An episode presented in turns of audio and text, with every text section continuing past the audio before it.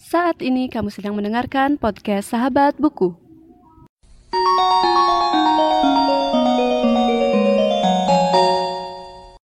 Sebelum mendengarkan episode kali ini, jangan lupa follow podcast Sahabat Buku di Instagram di @podcastsahabatbuku.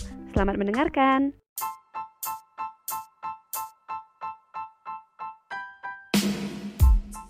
Halo semuanya dan selamat datang kembali di podcast Sahabat Buku.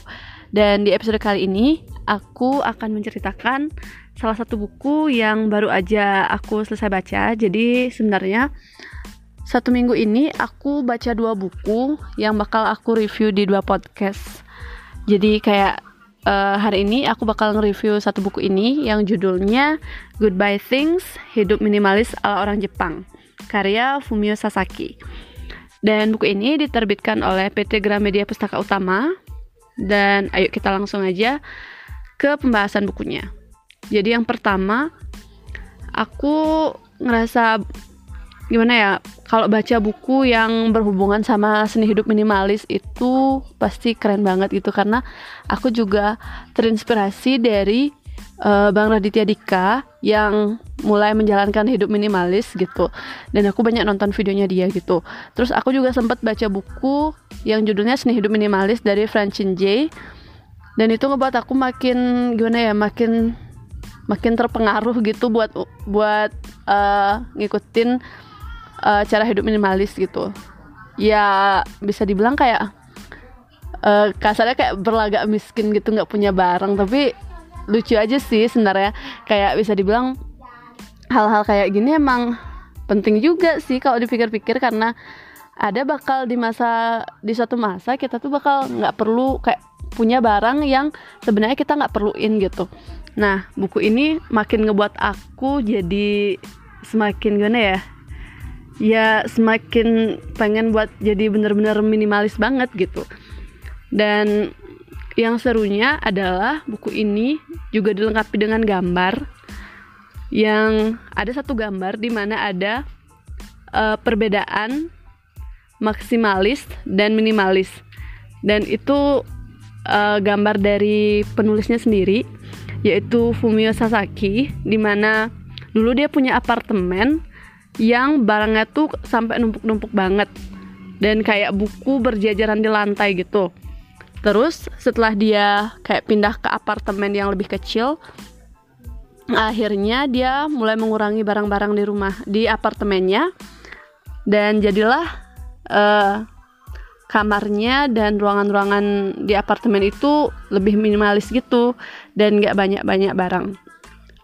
Dan di sini juga ada contoh barang kayak uh, space atau ruangan-ruangan gitu yang gimana sih? Yang disebut kayak ruangan yang minimalis gitu kayak lemari baju terus tempat tidur dapur dan yang lain-lain. Dan kenapa aku suka banget sama buku ini? Karena yang terjemahan bahasa Indonesia-nya itu nggak gimana ya bisa dibilang kayak bahasanya nggak ribet-ribet banget dan to the point banget gitu dan juga bukunya nggak terlalu tebal cuma 200-an halaman dan bisa diselesaikan dalam waktu kurang lebih ya 3 sampai 4 hari dan kalau maraton sih bisa sih dua harian gitu. Terus kita ke daftar isinya. Jadi di sini ada lima bagian. Yaitu yang pertama adalah mengapa minimalisme. Yang kedua adalah mengapa kita mengumpulkan begitu banyak barang. Yang ketiga, 55 kiat berpisah dari barang. 15 kiat tambahan untuk tahap selanjutnya dalam perjalanan menuju minimalisme. Yang keempat adalah 12 hal yang berubah sejak saya berpisah dari barang-barang kepemilikan. Dan yang kelima adalah merasa bahagia alih-alih menjadi bahagia. Oke, jadi uh, bagian paling menarik dari buku ini menurutku adalah bagian ketiga yaitu 55 kiat berpisah dari barang. Jadi di sana bakal ada 55 hal yang ngebuat kita kayak mempertanyakan lagi barang-barang yang kita milikin. Terus uh, kenapa aku bilang itu menarik banget karena uh, di bagian ini kita tuh kayak disuruh berpikir gitu ya berpikir ulang gitu dengan barang-barang yang kita punya di rumah gitu kan terus ini kan buku yang ditulis berdasarkan pengalaman pengalamannya Fumio Sasaki tuh. Dari dia punya apartemen terus dia punya banyak barang dan ngumpulin koleksi-koleksi gitu. Sampai akhirnya dia jual dan dia tinggal di tempat yang minimalis gitu. Dan dan juga yang di bab 4 juga keren banget. 12 hal yang berubah sejak saya berpisah dari barang-barang kepemilikan nah mungkin buat teman-teman yang hmm, bisa dibilang nggak nggak terlalu mungkin nggak minimalis gitu tapi pengen jadi minimalis bab 4 ini kayak cocok banget. Karena di sana bakal ditunjukin apa sih enaknya jadi orang yang minimalis gitu. Dan satu hal lagi yang ngebuat aku makin kayak makin suka dari buku ini adalah di halaman belakang-belakang itu ada rangkuman dari bab 3 sama bab 4 yang aku udah sebutin tadi.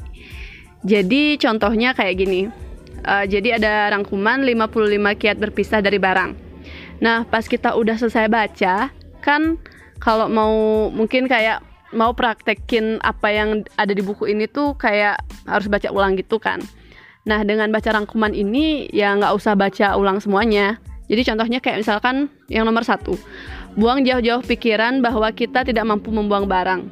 Jadi e, dengan satu kalimat ini kita bisa ingat gitu, apa aja sih yang sebenarnya yang waktu kita baca tuh apa aja sih yang dibahas di bagian itu dan ada juga rangkuman mengenai 15 kiat tambahan untuk tahap selanjutnya dalam perjalanan menuju minimalisme.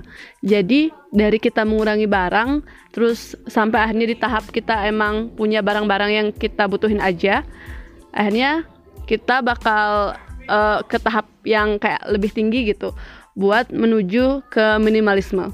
Dan gimana ya? Menurut aku buku-buku kayak gini tuh bener-bener gimana ya kayak ngebuat kita jadi berpikir ulang sih tentang barang-barang yang kita punya dan aku sebenarnya pengen banget baca bukunya Marie Kondo tentang uh, cara merapikan barang gitu yang katanya sparks joy gitu kan dan itu salah satu buku minimalisme yang aku belum baca dan aku harap aku bisa baca sih dan bisa nge-review juga. Dan itu aja untuk episode kali ini. Terima kasih sudah mendengarkan dan sampai jumpa di episode selanjutnya.